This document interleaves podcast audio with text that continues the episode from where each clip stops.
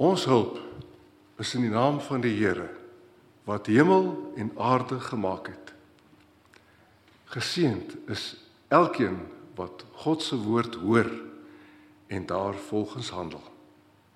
Amen. Ja, goeiemôre almal. Dit is vir my baie lekker om om weer by julle te wees. Dit is maar 'n wille week by ons gewees en uh ja, ons mis hy dogtertjie.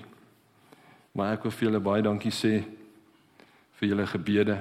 Dis net die krag van die Here deur julle gebede ook wat ons deur so 'n tyd kan dra. So ja, dankie gemeente vir dit. Ons wil ek wil vanoggend met julle 'n bietjie deel oor ehm um, oor die bediening die bedieningswêreld en uh natuurlik is Berggrond gemeente besig met met 'n baie spesifieke bediening rondom uh genesing en bevryding. Dit is waarvoor hierdie gemeente uh geroep is. Ek ehm um, Marinda wys vir my 'n uh, Facebook uh uh ding ding so 2 weke terug waar 'n matriekdogter 'n 'n selfmoord brief gepubliseer het uh in die publiek en ek lees hierdie hierdie uh, woorde wat sy skryf en ek my eerste reaksie is ek ek ek word sommer kwaad dat hierdie dogter wat haar eie lewe geneem het en soveel goed oor haarself geskryf het wat eintlik net alles leuns was. Ek ekskuus, ek moet seker 'n bietjie meer simpatiek gewees het sê my vrou altyd, maar vir my is dit maar hoekom het sy nie die geleentheid gehad om die waarheid te leer ken nie? Hoekom het sy nie die geleentheid gehad om bedien te word deur die woord en die en die gees van God nie? Om haar vry te maak van hierdie van hierdie waarheid van hierdie leuns wat sy geglo het. En ek weet nie met watse gedagtes jy vandag in jou in jou kop rondloop nie, maar ek weet verseker dat ons leef in 'n gebroke wêreld wat die bediening van Jesus Christus dringend nodig het. Die bediening van Jesus Christus. En om ek dink ons het al baie die voorbeeld gehoor, ons is op 'n ons is op 'n oorlogskip, né? Nee, ons is nie op 'n passasiersskip nie. So elkeen van ons hierso is op hierdie oorlogskip en elkeen van ons het 'n rol om te speel. En die Here gebruik diensknegte in sy koninkryk met dienskneg harte om ander mense te bedien. So ek wil vir oggend vir jou vra kom ons ondersoek elkeen van ons wie ons hart. Waar is ons hart in terme van diens aan die Here en, en om 'n dienskneg te wees? Want sonder hierdie dienskneg hart kan kan ons nie eintlik ander bedien nie.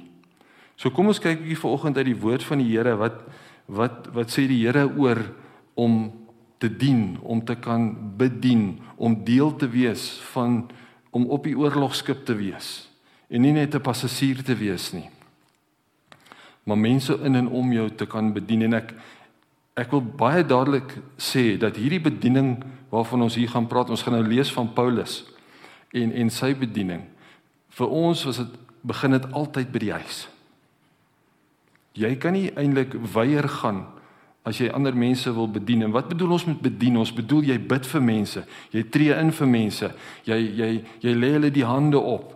As daar geestelike stryd is, dan tree jy in vir hulle. As hulle geseën moet word, dan seën jy hulle. Dis wat ons bedoel met met bediening, om Jesus se bediening op aarde voort te sit met krag en met liefde. Maar my geloof is dit begin altyd by die huis. Begin altyd by die pa van die huis wat dan hierdie bediening uitrol na sy eie gesin toe, na sy eie huishouding toe, na sy eie mense toe en van daar af vloei dit na die res van die gemeenskap.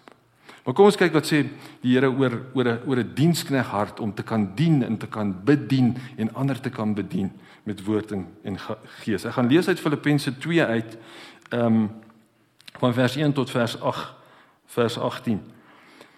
Aangesien julle die troos in Christus ondervind het, die aansporing deur die liefde, die gemeenskap deur die Gees, die innige meegevoel en meelewing, meelewing, maak dan nou my blydskap volkome deur eensgesind te wees, een in liefde, een van hart en een in strewe.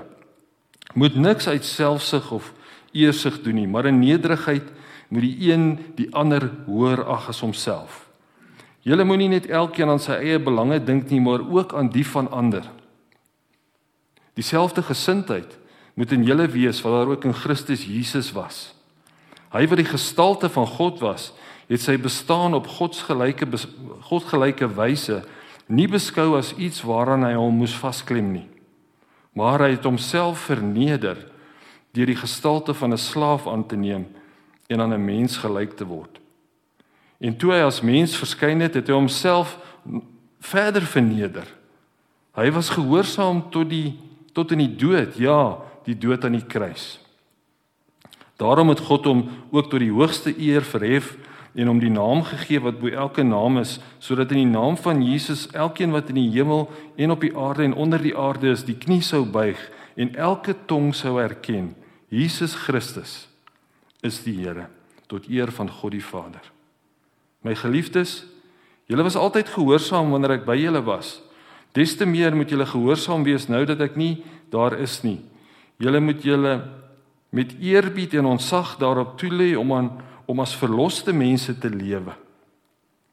Want dit is God wat julle gewillig en bekwaam maak om sy wil uit te voer. Doen alles sonder kla of teepraat, sorg dat julle bo alle verdenking staan en opreg bly onberispelike kinders van God te midde van 'n ontaarde en korrupte korrupte mense.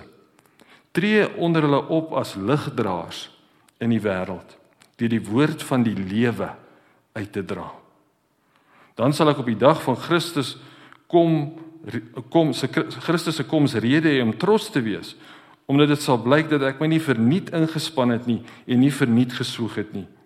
Julle geloof is 'n offer in diens van God. Selfs al word my bloed daarby as drankoffer uitgegiet, is ek daaroor bly. Ja, is ek saam met julle almal bly om dieselfde rede moet julle ook bly wees. Ja, julle moet self, julle moet saam met my bly wees.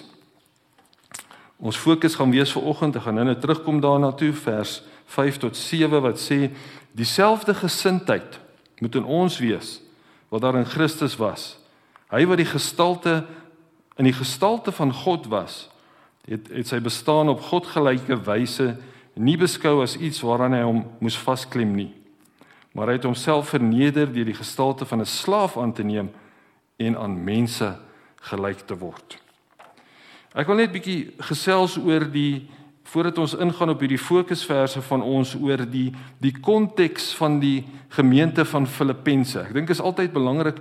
Paulus het 'n brief geskryf aan hierdie gemeente wat in Filippi was. En en mens moet bietjie verstaan waar kom hierdie gemeente vandaan en hoekom het hy hierdie brief geskryf. So die gemeente van Filippi eintlik al die gemeentes van Paulus het ontstaan deur 'n spesifieke patroon. Die patroon was Paulus het gegaan, Hy het gepreek. Mense is in hulle harte geraak. Hulle het tot bekering gekom. Hulle is gedoop en hulle die Heilige Gees ontvang. En daai mense, hierdie groep unieke mense wat hierdie wat hierdie pad geloop het, hulle het 'n gemeente gevorm. Laat my baie dink aan ons wat in die kerk groot geword het. Jy weet, ons is maar ons het maar 'n tradisie, né? Ons is uit tradisie in in ons gemeente en ons kom 'n lang pad en dit dit is ook nie verkeerd nie. Maar die patroon wat in die uh ehm um, wat in die gemeentes van Paulus wat hy gestig het gevolg het, is presies daai wat ek nou met julle gedeel het. O, ekskuus. Ek wonder of ek 'n glasie water asseblief sal hê, ekskuus. Dankie Rihanna. Iets wil nou in my keel vassit. En as 'n mens gaan teruggaan spesifiek na na Handelinge 16 toe waar waar ehm um, Paulus hierdie gemeente geplant het, wil ek net bietjie meer ook daaroor uitbrei want wat het gebeur wat gebeur het hierso is dat die die die die die stad van Filippi was nog 'n baie strategiese stad uh in in die tyd van daai wêreld. Dit het geleë op 'n hoofroete wat beweeg het van die weste na die ooste toe. So baie strategies. Dit was amper 'n metropool. Ek dink die Romeine het dit op 'n stadium 'n kolonie ook gemaak. En Paulus en sy gesante op sy tweede sendingreis was op pad na die om verder oos te gaan. Baie baie dankie vir dit. Dankie Johanna. Skus tog. Hy hy moes verder oos gaan en toe die Here hom gekeer om die evangelie verder oos te vat want hy skry toe 'n gesig van hierdie ehm um, Macedoniese man. Nou Macedonië was in die weste. Dit was die, die noorde iewers in Griekeland. Dit was deel van die Europese vasteland. En hy kry toe 'n gesig in een nag terwyl hy droom en sê kom asseblief na Macedonië toe waar Filippe waar Filippi uh, Filippi was. En kom help ons daar, spesifiek sê die droom. Paulus word toe gekeer om na die ooste toe te gaan en hy vat die evangelie na die westerse samelewing toe, na Europa toe. En op 'n manier dink ek sou ons nie vandag die evangelie gehad het as die gemeente van Filippi nie gestig was nie en Paulus gehoorsaam was en daai pad geloop het nie. Hy het gekom in in in die stad Filippi en sy gewoonte sy gewoonte volgens sy patroon het hy gaan preek in die sinagoge. Ja, hy het gepreek, die mense het gehoor, tot bekering gekom, gedoop en al daai hele proses. Maar in Filippi was daar nie 'n sinagoge nie. Die die Jode dink ek dit vat 10 Joodse mans, daar moet 10 Joodse mans wees, dan kan jy 'n sinagoge sinagoge begin. In Filippi was daar nie so iets nie. Ehm um, daar was dis nie baie Jode gewees nie. En toe gaan uh Paulus maar in sy eerste ontmoeting met soort van godsdienstige gelowiges was iewers langs 'n rivier gewees daar in Filippi waar hulle gesit en bid het. En daar was 'n vrou met die naam van Lydia, 'n besigheidsvrou, die purperverkoopster. En en hy het saam met hy het vir Lydia hulle gaan preek en hulle bemoedig uh en en hulle het tot bekering gekom en uh um ek wil net hierso lees wat hier staan. Ja, Lydia se bekering um is en dit was 'n groep vrouens gewees. Um ek kan nou net daai gedeelte gou kry. Okay nee, ek kry nie dit spesifiek nie. Maar hulle was die eerste groep mense waar Paulus afgekom het daar. 'n Groep vrouens. En hulle was die eerste lidmate van die gemeente van Filippi. En hulle het begin om onder mekaar te bedien en mekaar te uh uh uh in 'n geloof saam te leef. En sy was 'n besigheidsvrou. Ehm um, en toe hulle en toe hy en toe daar natuurlik moeilikheid ontstaan. Toe as waar Paulus ook al beweeg het en die evangelie van Jesus Christus verkondig het, was daar teenkanting. Daar was teenstand. En dit was nie sommer net so nie, toe word Paulus in die tronk gegooi in Filippi. En wie is die tweede ou wat tot bekering kom in Filippi? Julle sal onthou, né? Die tronkbewaarder. Een nag toe Paulus en en uh, ek dink is Timoteus of Silas die Here net geloof, hulle was in boeye gewees, hulle was in die tronkselle, hulle die Here geloof en geprys en die die die kettinge het losgegaan, die deure het oopgegaan, die tronkbewaarder het hom doodgeskrik en Paulus het gesê nee nee nee, moenie bekommerd wees nie, die Here sal jou sal jou beskerm en en Paulus het daai tronkbewaarder na die Here toe gelei. En sy hy en sy hele huishouding is in daai nag gedoop en het tot bekering gekom. En so het die eerste gemeente in Filippi uh in in Filippi on, ons in Filippi ontstaan. Dis mense wat die boodskap gehoor het van Paulus tot bekering gekom het en hulle lewe vir die Here gegee het. En baie duidelik nie 'n groot groep mense nie, klein groepie mense. Klein groepie mense. Ons het nie massas nodig om die woord van die Here uit te dra nie en om 'n gemeente te vorm van Jesus Christus nie. So dis waar hierdie gemeente van Filippense vandaan gekom het. Hoekom het Paulus vir hulle 'n brief geskryf? Hy's toe nader, hy's natuurlik toe later weg op sy tweede sendingreis klaar te maak en op sy derde sendingreis en ehm um, hy het hierdie brief geskryf want want hy het 'n besondere verhouding gehad met hierdie gemeente. Paulus, hy was baie lief vir hulle en hy het nie ehm um, ehm um, hy was meer 'n vriend vir hulle as 'n sendeling gewees. Hy het ander probleme, hy het in ander gemeentes soos Korintiërs baie groter probleme gehad. Maar in in Filippi, Filippense was daar nie sulke groot probleme nie. En die gemeente van Filippense het Paulus baie goed geondersteun. Hulle het hom inderwaarheid ondersteun finansiëel en hulle het hom fisies versorg. Hulle het 'n man gestuur met die naam van Epafroditus om hom te gaan help om vir hom nie net die geld te vat nie, maar vir hom kos te vat en hom fisies te ondersteun. So Paulus het 'n baie goeie verhouding uh gehad met hulle en maar hy is toe op die einde weer gevang in Jerusalem en hy's tereggestel en hy's Rome in die tronk in ehm um, heel wat later en dit is uit die tronk in Rome, weer in die tronk Paulus dat hy hierdie brief aan Filippense aan die Filippense geskryf is. Geskryf het. En hy het veral twee groot temas in die brief aan die Filippense wat hy met hulle behandel. En die eerste die eerste een is die tema van koinonia, né, fellowship.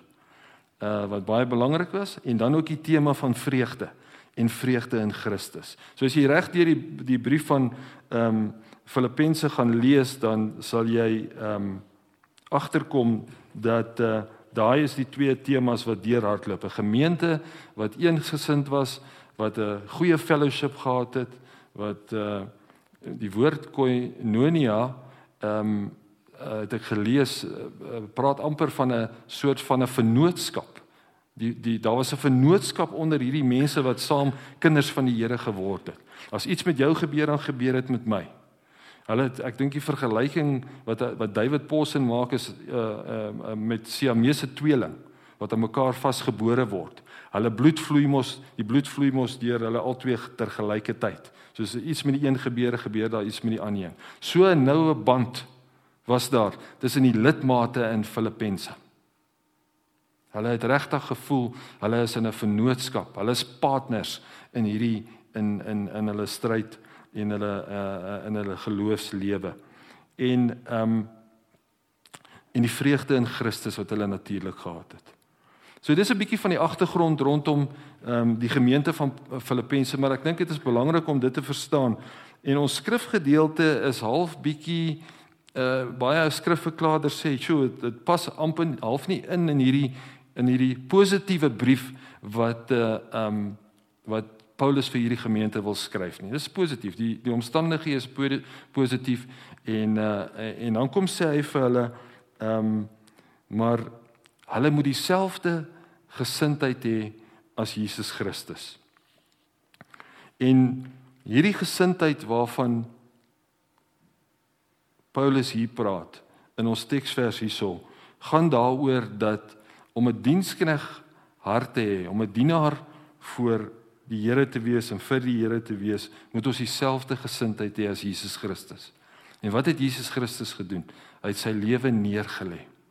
Hy het homself verneder om aan mense gelyk te word. En die pad in die koninkryk is definitief, ek wil nie sê soms nie, is definitief altyd eers af voordat jy verhoog word. Dis presies wat met Jesus Christus gebeur het. Ons is baie keer leef ons in 'n wêreld waar ons baie gedryf word deur ambisie en dit is die corporate ladder en dit is 'n pad op. Maar as jy 'n effektiewe dienaar en 'n dienskneg hart vir die Here wil hê, is jou pad in die koninkryk af. Dis om minder te word.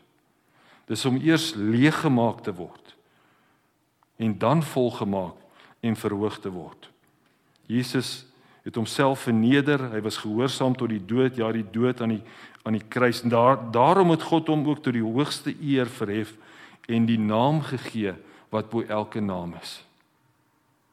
Eers af en dan op. Dit het in Paulus se lewe gebeur.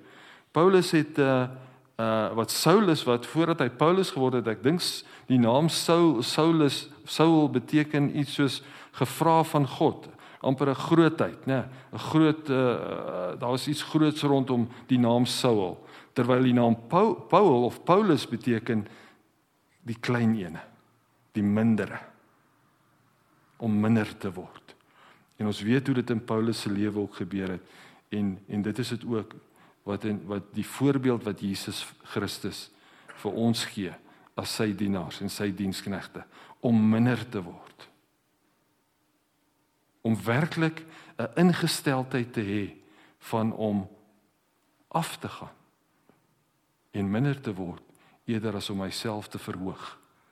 My eie aansien. Hier staan julle moet julle moet nie uit selfsug of of eersig iets doen nie maar in nederigheid moet die die een die ander hoër ag as homself julle moenie net elkeen aan sy eie belange dink maar ook aan die van ander. Makliker gesê as gedaan. Want ons sit met hierdie stuk vlees wat homself net wil verhef die hele tyd. Wat homself wil versorg, wat net die beste vir homself wil hê.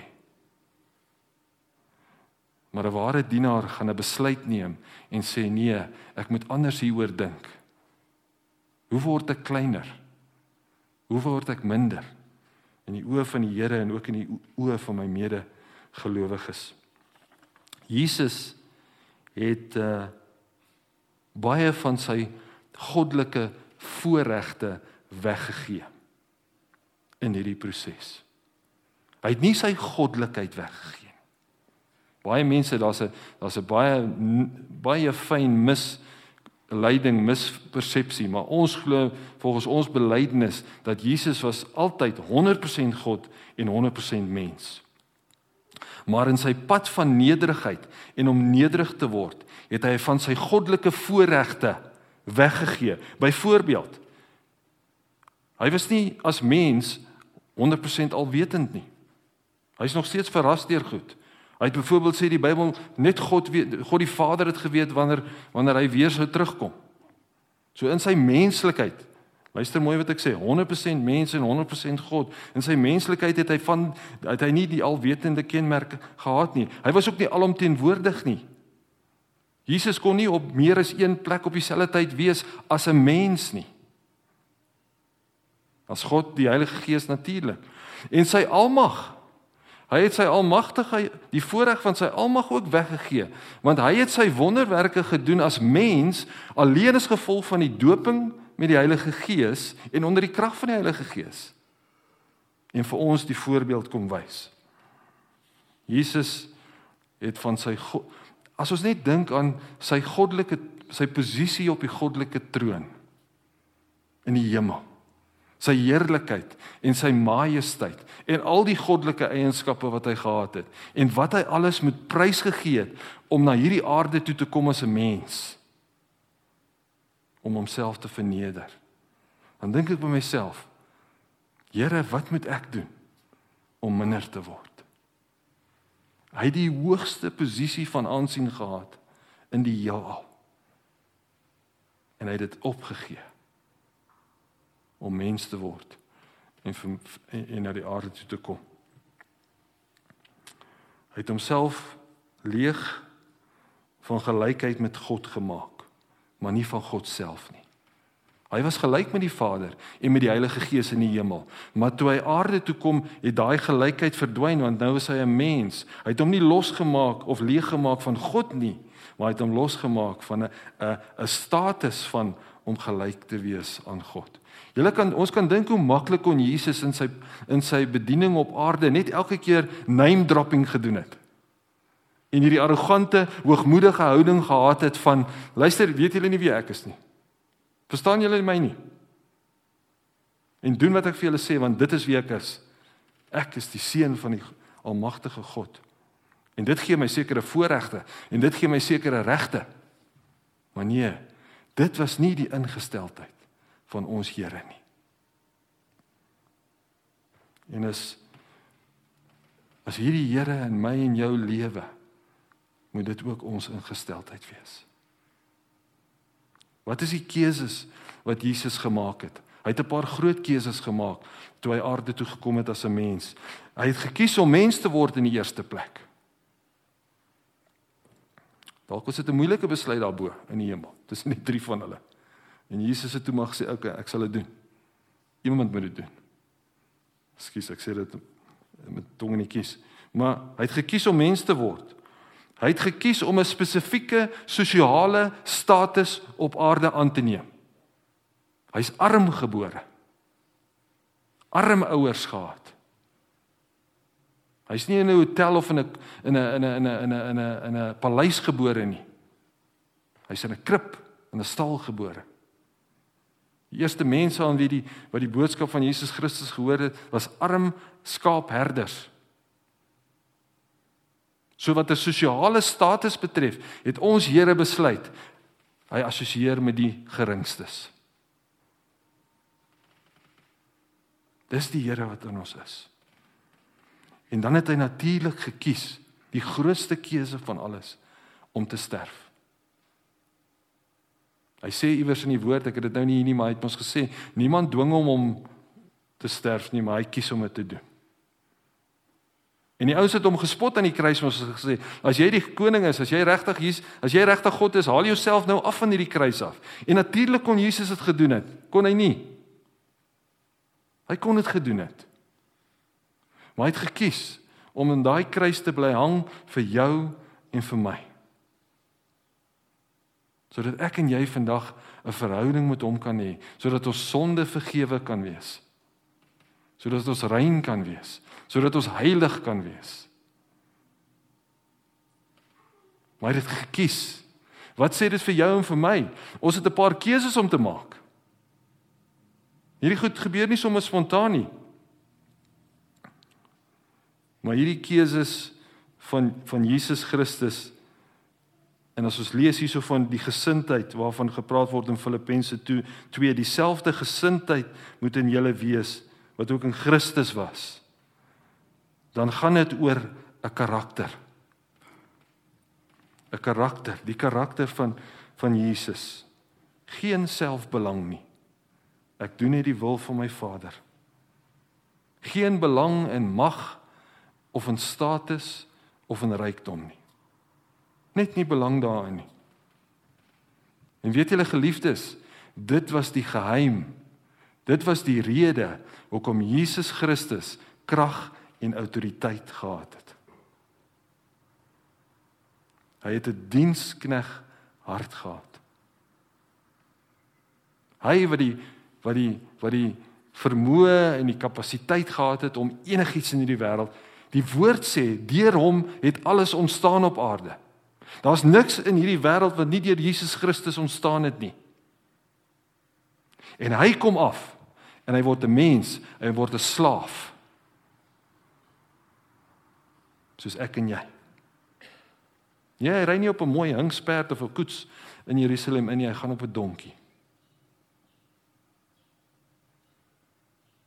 Hy kies die geringste mense op aarde as sy disippels. Wat sê dit vir ons? Hierdie ingesteldheid, hierdie gesindheid van Jesus Christus waarvan Paulus hier praat waarin sy krag en sy autoriteit lê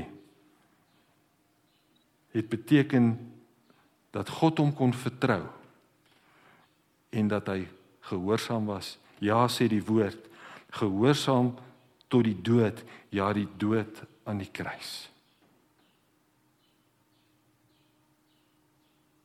Dis ons Here wat ons aanbid. En die woord sê hy is in ons en ons is in hom. Interessant die fokus in in Filippense het Paulus hulle 'n bietjie omgedraai en gesê die fokus is hier op die meerdere. Ons is in God. Ja, hy is in ons, maar ons is in hom. Want hy is die meerdere en ons is die mindere.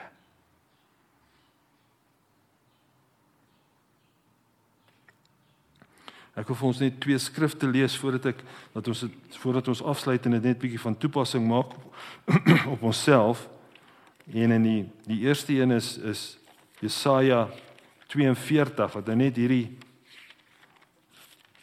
bevestig wat die woord vir ons vanoggend sê. Hoor wat sê die hoor wat sê die woord van die Here profeties oor Jesus Christus in Jesaja 42 vers 1 tot 4. Die woord sê hy is my dienaar. Ek stel hom aan. Ek het hom uitverkies. Hy geniet my guns. Ek laat my gees op hom kom. Hy sal my wil aan die nasies bekend maak. Hy sal nie roep nie. Hy sal nie hard skree nie. Hy sal nie sy stem op straat laat hoor nie. 'n Geknakte riet sal hy nie afbreek nie. 'n Lampet wat dof brand sal hy nie uitdoof nie. Hy sal my wil bekend maak soos dit is. Selfs selfs sal hy ook nie uitgedoof of geknak word nie totdat hy my wil op aarde gevestig het. Die eilande wag op wat hy hulle sal leer. Aangestel as 'n knegg en as 'n dienaar deur God. Was Jesus Christus. Matteus ehm um, 20 vers 28 sê die volgende: So is dit ook met die seun van die mens. Hy het nie gekom om gedien te word nie, maar om te dien en sy lewe te gee as losprys vir baie mense.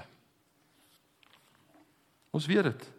En dis hoekom ons hom loof en prys en dis hoekom ons ehm um, elke Sondag sy naam groot maak en ons gee hom al die eer.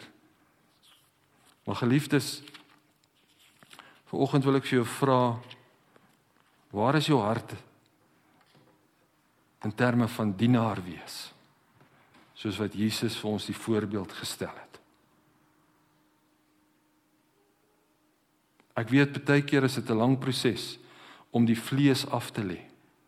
Want die vlees streef na die dinge van hierdie wêreld.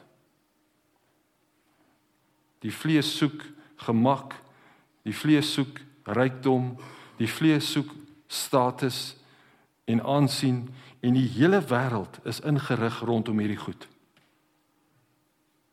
Hoe moeilik is dit nie vir ons as kinders van die Here om binne 'n wêreld wat so wat wat wat so regeer word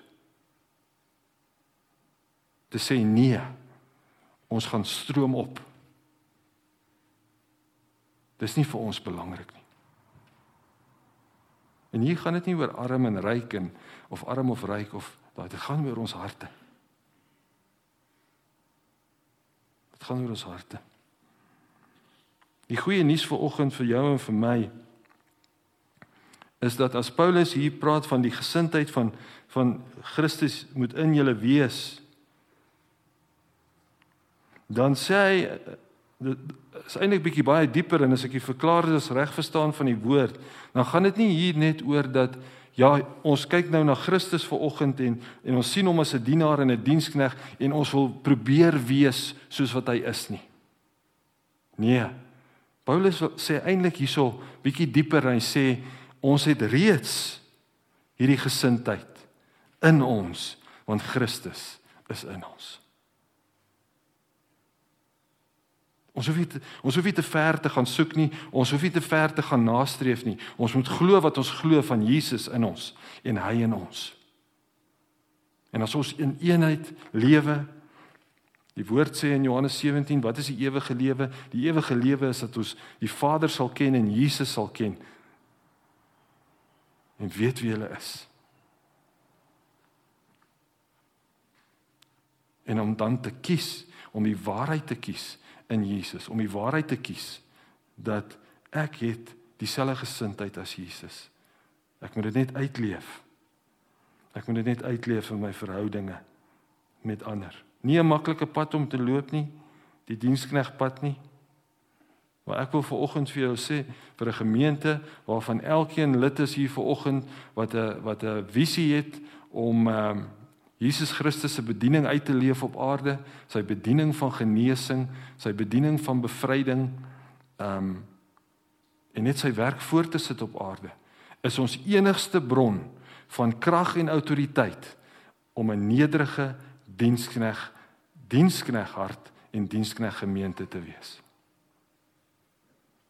Die oomblik as iemand homself gaan verhef bo 'n ander persoon en elkeen sy eie belang soek, dan verloor ons iets van wat ons kan wat die hoe die Here ons kan gebruik. En die logiese uitvloei is 'n groep mense met dienskneg harte is eensgesind.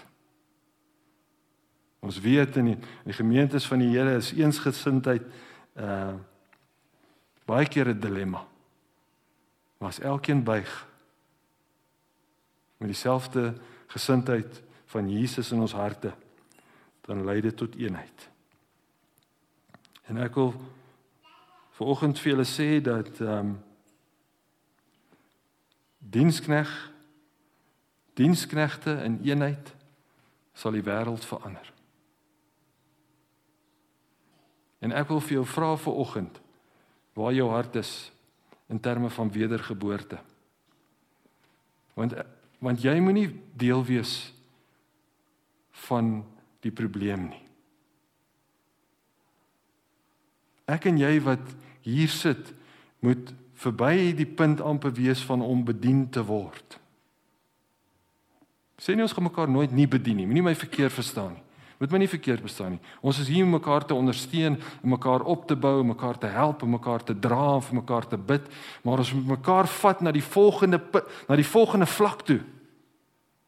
Waar elkeen wat hier sit, uitstap en mense gaan bedien deur woord en deur krag en deur gees en deur gebed. Geen een van julle hier wat Jesus in sy hart het, wat tot wedergeboorte gekom het nie, wat die wat die Heilige Gees ontvang het nie kan nie sê Here ek kan nie ek kan dit nie doen nie ek ek dink nie ek is waardig nie As jy by daai onwaardigheid kom vir oggend as daar 'n onwaardigheid in jou is om ander te bedien om die koninkryk van Jesus Christus uit te dra dan wil ek vir jou sê dis 'n goeie plek om te wees Jy's op die regte plek want God gaan jou God gaan dit gebruik onderskei net die leuen van die waarheid. Moenie die leuen glo dat jy nie waardig is nie. En ek glo die hart van hierdie gemeente is om elke lidmaat op te bou om 'n dienaar te wees. Die wêreld leer vir ons dat hierdie dienaar mense staan op platforms en hulle het aansien en en en en, en daar's nou skielik verwagtinge van hulle. Nee. Die dag as jy 'n dienaar word van Jesus Christus, onthou die pad is af. Dan gaan jy na jou binnekamer toe en jy begin bedien deur die krag van die gebed. Die grootste bediening van elke lidmaat in hierdie gemeente is gebed. Bid vir bid vir mekaar, bid vir die gemeenskap om ons, bid vir bekering sodat die evangelie boodskap uit kan gaan na mense in ons omgewing toe. Ek vertrou ver oggend dat die Here jou ehm uh, sal oortuig dat jy deel is van die oplossing. As daar nog iets in jou hart is of as daar nog pyn is, as daar nog onsekerheid is, hier's ander wat vir jou sal bid en jou sal begelei op 'n pad waar jy sal instap en sal besef, "Sjoe. Ek het 'n roeping. Ek is 'n heilige in Jesus Christus." Want dit is wat Paulus elke gemeentelid en elke liewe gemeente wat hy geplant het genoem het, geroepe heiliges. Ons is nie net sommer 'n groep mense wat hier bymekaar is omdat ons deel is van die gereformeerde kerk Bergbron nie. Nee, ons is eintlik hier by mekaar want Jesus het ons geroep. Jesus het ons verander en Jesus wil ons gebruik. Mag die Here julle seën. Mag hy julle lei in die volle waarheid. Ek staan teen enige onwaardigheid en enige mens ver oggend hierso. Dat jy vanmiddag sal uitgaan en vir die Here sal dankie sê vir waarvoor hy jou geroep het en sal begin om te bid en in te tree en die pad te loop af nie op nie die pad van nederigheid die moeilike pad die pad wat heeltemal in stryd is met die wêreld en mag julle geseënd wees daarin en mag die koninkryk van God kom in hierdie gemeente en in hierdie omgewing in Jesus se naam Amen. Here, ek sê vir u baie dankie vir u woord. U woord is die waarheid. U woord is die lig vir ons pad en die lamp vir ons voet. Dankie vir u voorbeeld Jesus. Ons ons staan net eintlik sonder woorde voor u vanoggend as ons as ons dit hoor. Want dit wat ons soos Paulus gesê het, die goeie wat ons baie keer wil doen, Here, dit doen ons nie. En die slegte wat ons nie wil doen nie, dit doen ons, Here. U ken ons. En dan eindig Paulus daai hoofstuk met net Jesus kan ons daarvan verlos. Ek bid Redder, Here Jesus, dat U sal kom in elkeen se hart vanoggend. En ons sal aanraak Heilige Gees. En enige minderwaardigheid of enige stryd vra of enige onsekerheid sal wegvat, Here, dat ons dat ons sal begin beleef en sal begin ervaar wat dit beteken om 'n dienskneg te wees van U, Here. En niemand gaan ons forceer nie. Dankie Here Jesus dat U ons nooit forceer om dit te doen nie. U woord sê U gaan nie hard uitskreeu nie, Here. Maar U roep saggies vanoggend in ons harte in. En as ons moet draai, Here, laat ons begin draai. Help ons daarmee. Ek bid vir elke lidmaat. Ek bid vir u guns en u krag en u liefde oor elkeen van ons. Seën ons in Jesus se groot naam. Amen.